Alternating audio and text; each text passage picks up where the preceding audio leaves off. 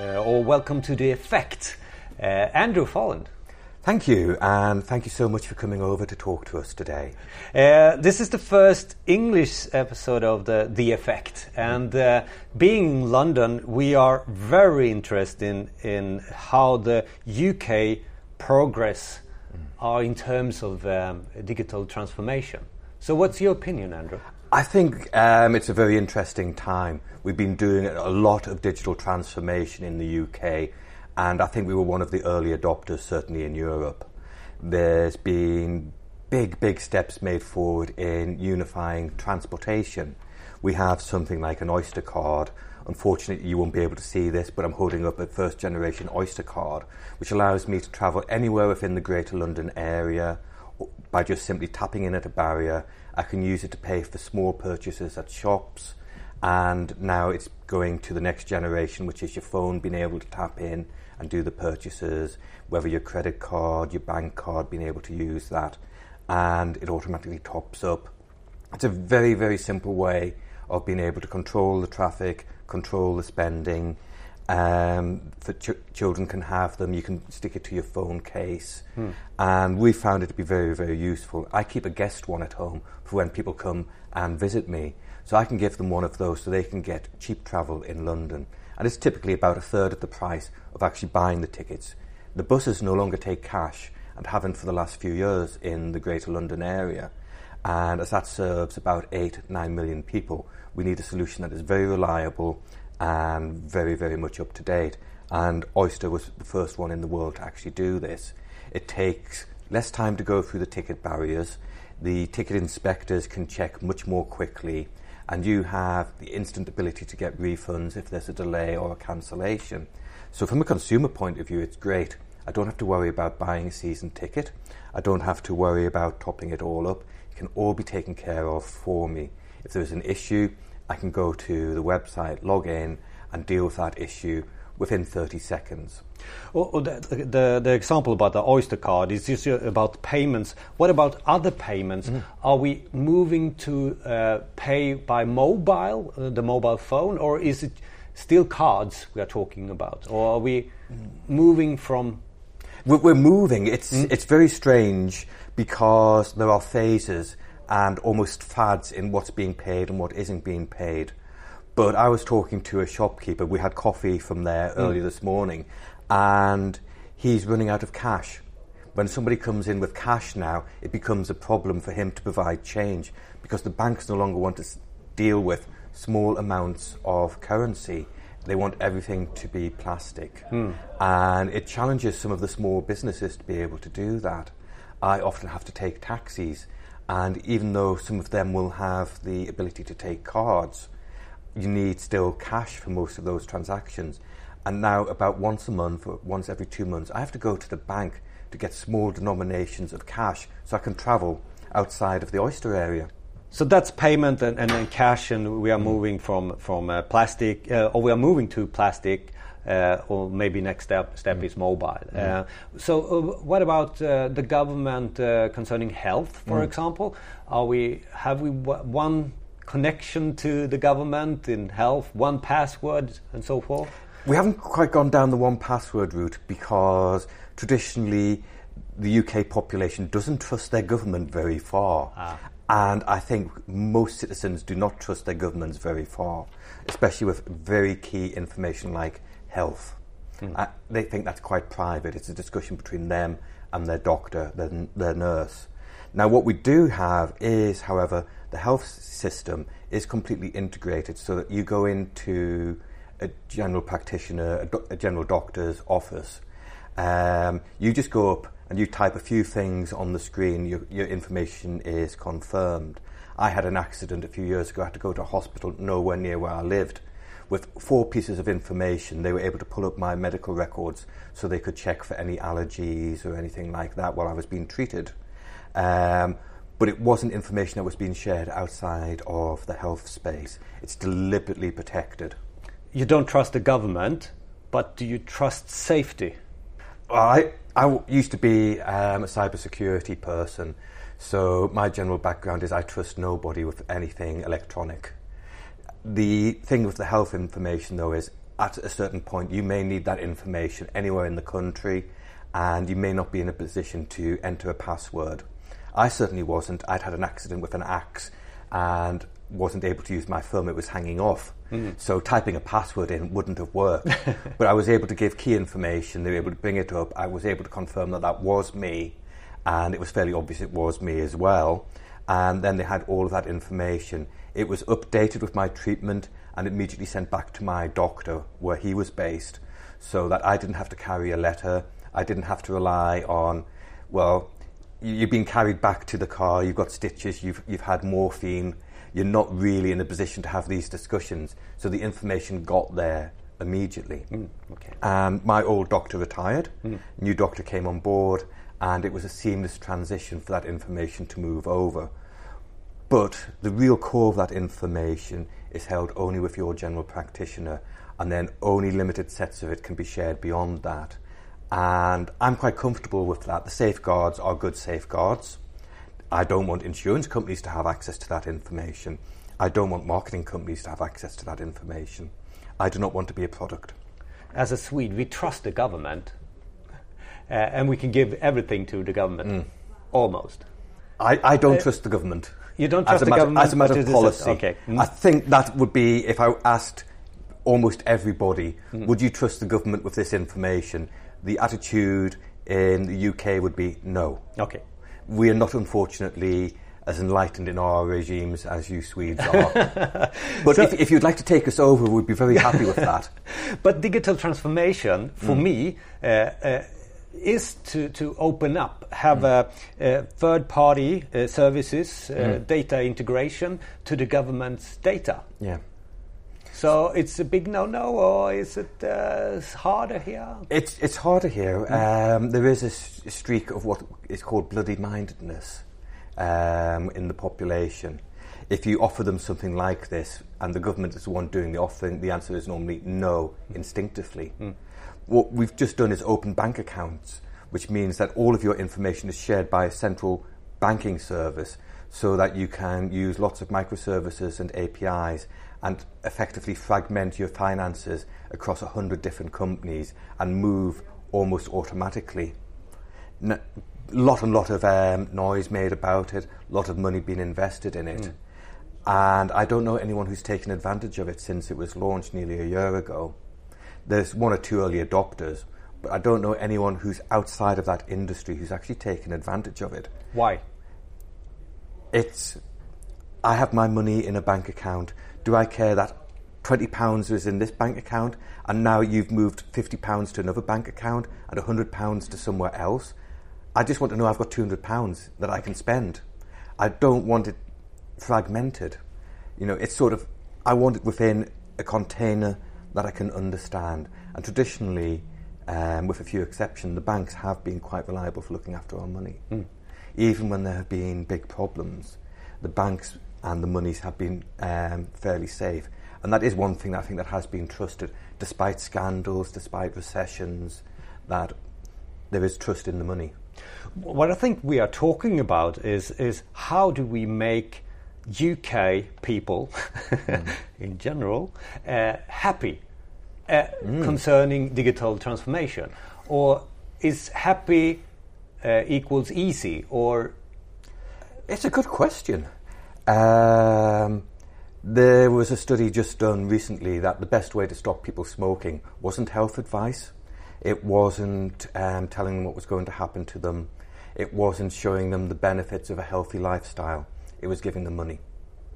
So maybe the thing that would actually get people to trust it would be 2,000 euros being given to each person. This is the money that we're giving to you as a show of our trust in you you, you have that money that's there in case we do something wrong, and you can have that money and keep it. So, do you mean that if I give you the money, mm-hmm. you will give you, uh, all your information away? I would give it to the government. Okay. I wouldn't give it to, say, Facebook. No. But Facebook makes a lot of money on our information. And the benefit I get from that is somebody able to do an occasional like to a dead hamster. I don't think it's a fair exchange. Um, Amazon tried to do something like the Mechanical Turk as a way of doing microtransactions for small tasks. maybe there should be a certain amount of sharing that if somebody is selling my information, I get a cut of that. Half of the money that they get for that comes to me. Maybe that, maybe that would knock the barriers down. If you will be a part of uh, changing the world or saving the world, mm-hmm. as a if I give you two thousand, yep. is will will that bring you closer to the digital transformation? I think it would do. Hmm. Um, just give me some money. Everyone else is making money on okay. my information, and I think it's an inequitable transaction that's been happening in the digital transformation and the digitalization because everyone else is making money on my information and making it seem like I don't own me.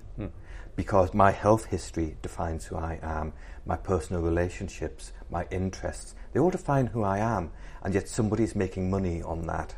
And if they want me to be more comfortable, more happy with it, or at least accepting of it, I should get some benefit from that as opposed to targeted adverts that follow me around a shopping centre saying, Well, last time you were here, you bought some shoes. Time to buy some new shoes. Don't like that. I don't like that. I mm. find it intrusive.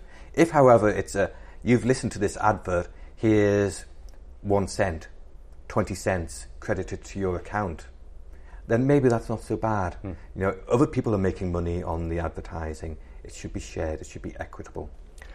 So you, in the beginning, you gave us an example of the Oyster card. Yes. Uh, for me, it's it's more like a physical thing. Mm. Uh, I, am I'm, I'm just referring to the answers that you had on the other questions. It, it's a physical thing that you put in front of something. It is. It's not the digital uh, something that you have in the mob in a mobile phone. Oh, your mobile uh, phone will connect to it, so you can use your mobile phone. You can, okay. You can use um, credit, debit mm. cards. You can use one of the Oyster cards. We even have one gentleman at the local station who's taken out the chip and put it into a magician's wand. And he pretends to be Harry Potter every time he goes up to the barriers to tap it in with his magic wand and he enjoys the um, fame of that. Mm. He's somebody who has actually been made happy by that. And to be honest, when you see him, there is a little smile in your face. It's somebody has embraced the new technology, but they're having fun with it as well. And that fun is contagious.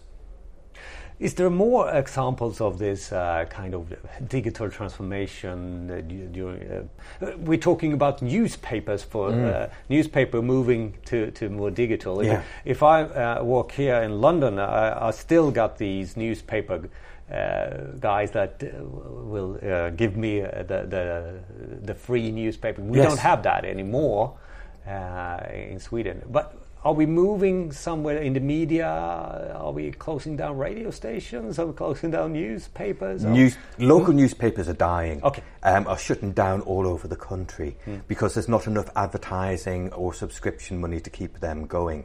So they're becoming larger, regional rather than local, mm. and there's less of them and less local information.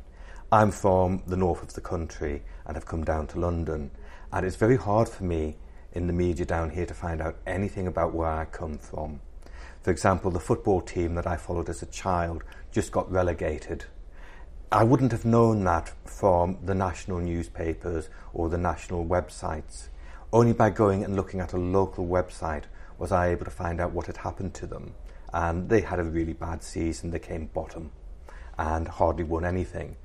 Um, so it becomes more difficult to find that local interaction. It breaks down some of the communities. Mm. And I, I have to say, I don't think I've actually picked up a newspaper in about three or four years. I, it's too, too little, too late in the information. The newspaper comes out, it has to be printed, it has to be distributed. I pick up my phone yeah. and I have the information then or there. Or my watch, if I hadn't left it at home today, will tell me any important alerts that I need to be aware of.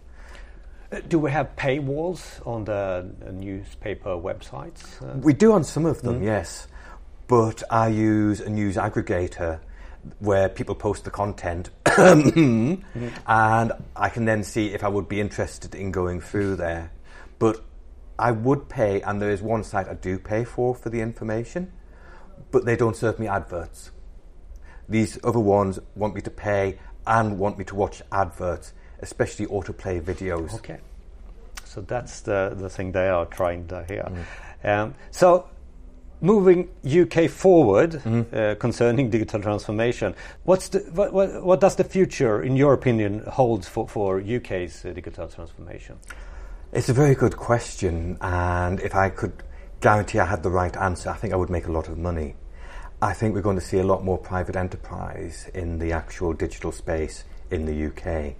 The City of London has invested massively in APIs, microservices, and being at the forefront of digital um, money, digital services. I don't think the future is Bitcoin, for, for example, for them, but the technology behind it, that's starting to change. And one of the things we're seeing is smart contracts coming into the government. Now, that's one area where I think the government can make a big difference and would trust them in. If you buy a house or a property anywhere in the UK, it goes to something called the land registry. And the process can take a month, two months to confirm that this land belongs to somebody and that there's no preconditions that would be passed on to you. It slows down and is a very stressful part of buying somewhere to live. Now, I know f- from dealing with Norway, the process from start to finish is about seven days. And I think something like the smart contracts, where those records are publicly available and easy to access and trusted because the information is widely distributed and checked, will be a great benefit. I think we'll see more of that information. We'll see things like insurance policies. When earlier this year we went out to Ireland and we did um, through Sogeti a Hmm. incubator with um, an insurance company. One of the things we looked at there was smart insurance claims, and that was very interesting because you could see the immediate benefit. You could see that the paperwork time was reduced. That within hours of having contacted the insurance company, authorization to repair your car had been sent to the nearest garage and they were expecting you, and you knew they were going to fix it in a particular period of time. Those sort of things, I think, are really positive contributions in digitisation. But I also think there's going to be a bit of a backlash.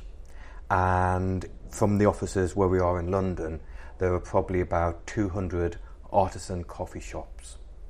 There are the big chains, but there are 200 very small, very specialised, roast their own coffees. They charge more, but people are willing to go that extra distance to them because of um, A, the taste, but also the human interaction. Because some of the digitalisation, were on my train home and on the morning, you don't hear people talk anymore. There's no conversations. They are listening to podcasts, and this is a good podcast to listen to, so don't stop listening to this one. But they're in their own little world. They have the screen in front of them, they have their earphones in, and the rest of the world passes them by. And I think we lose something with that. I think we lose a little bit of our humanity. And I think people are willing to pay a little bit of a premium for a better product, which is handcrafted, and also the human interaction. The coffee shops that I go to tend to be the ones that have the most pleasant user experience, the ones where there is the human interaction, where they remember you, they know what you want to drink. Would you like your usual? Yes, please. How are you today? I'm good. Did you get home okay last night? Yes, I did. You? Those little things matter, sometimes a little bit more than the convenience, because we are social creatures. We like that interaction. And that's going to be very hard to digitalise. And with the digitalisation, the other thing that we've been doing is we're still trapped in an 8 bit world. Everything is very, very simple decisions yes, no, black, white, hot, cold. And being human is a lot more than that. Digitization is great, but what it doesn't handle is answering a question like, How are you? You can answer it, I'm good, not so good. And it depends on your age, who's ans- answering the question, who's asking the question, time of day, and that the answer today is not going to be the answer tomorrow or in six weeks. And our computer systems aren't very good at doing that. And you can see part of the backlash with vinyl records coming back. The audio quality is superb because there is no stepping, there is no loss. Even with the best of digital, you still don't get that pure, ringing concert hall sound of great music. That's it. And one thing I discovered I was missing, and about a week ago, I listened to an album from start to finish in the order that it was written Yeah. for the first time in several years. And it was all the better for that Yes. I will have to confess that it was ABBA. but there was news about. ABBA um, Yes, releasing some new one. music, and I thought, you know, I've not listened to them in years, and I put on one of their albums, Voulez-Vous, and listened to it, but in the order that they'd selected, and it was more than just the parts.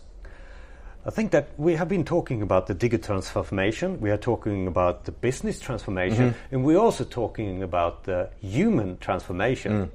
Uh, it's been a very interesting uh, uh, discussion about the, the UK's take on this. Uh, so Well, it's my take, really, on your, it. ta- your take as a representative of the UK people. One, one of 70 million. Uh, so, so Andrew, is there something else here that we have been missing uh, concerning UK and digital transformation? that almost certainly there's probably many things that we've been missing. I mean, for me, it's, it is, it's happiness, I think. If we don't have happiness in the digital transformation, whatever that happiness is defined, it will be different for every person. And sometimes it might just be the absence of unhappiness. The philosophers can argue for centuries as to what is happiness. But we know when we're happy. And if something makes our world a little bit better by doing it, then that's a good thing. If there is no gain from the digitalization, or it makes our lives a little bit more complex or a little bit more stressful, then we shouldn't do it. If there's a distinct benefit for us and for those around us, and the world is a little bit of a better place, then I think digitalization is a good thing and people will adopt it. The moment there is a horror story or it causes us discomfort, then we probably won't. Thank you again, Andrew. Thank you so much for um, coming over and talking to me. And I hope you enjoy the rest of your trip. And I look forward to listening not only to this, but the rest of the English language episodes that you'll push out.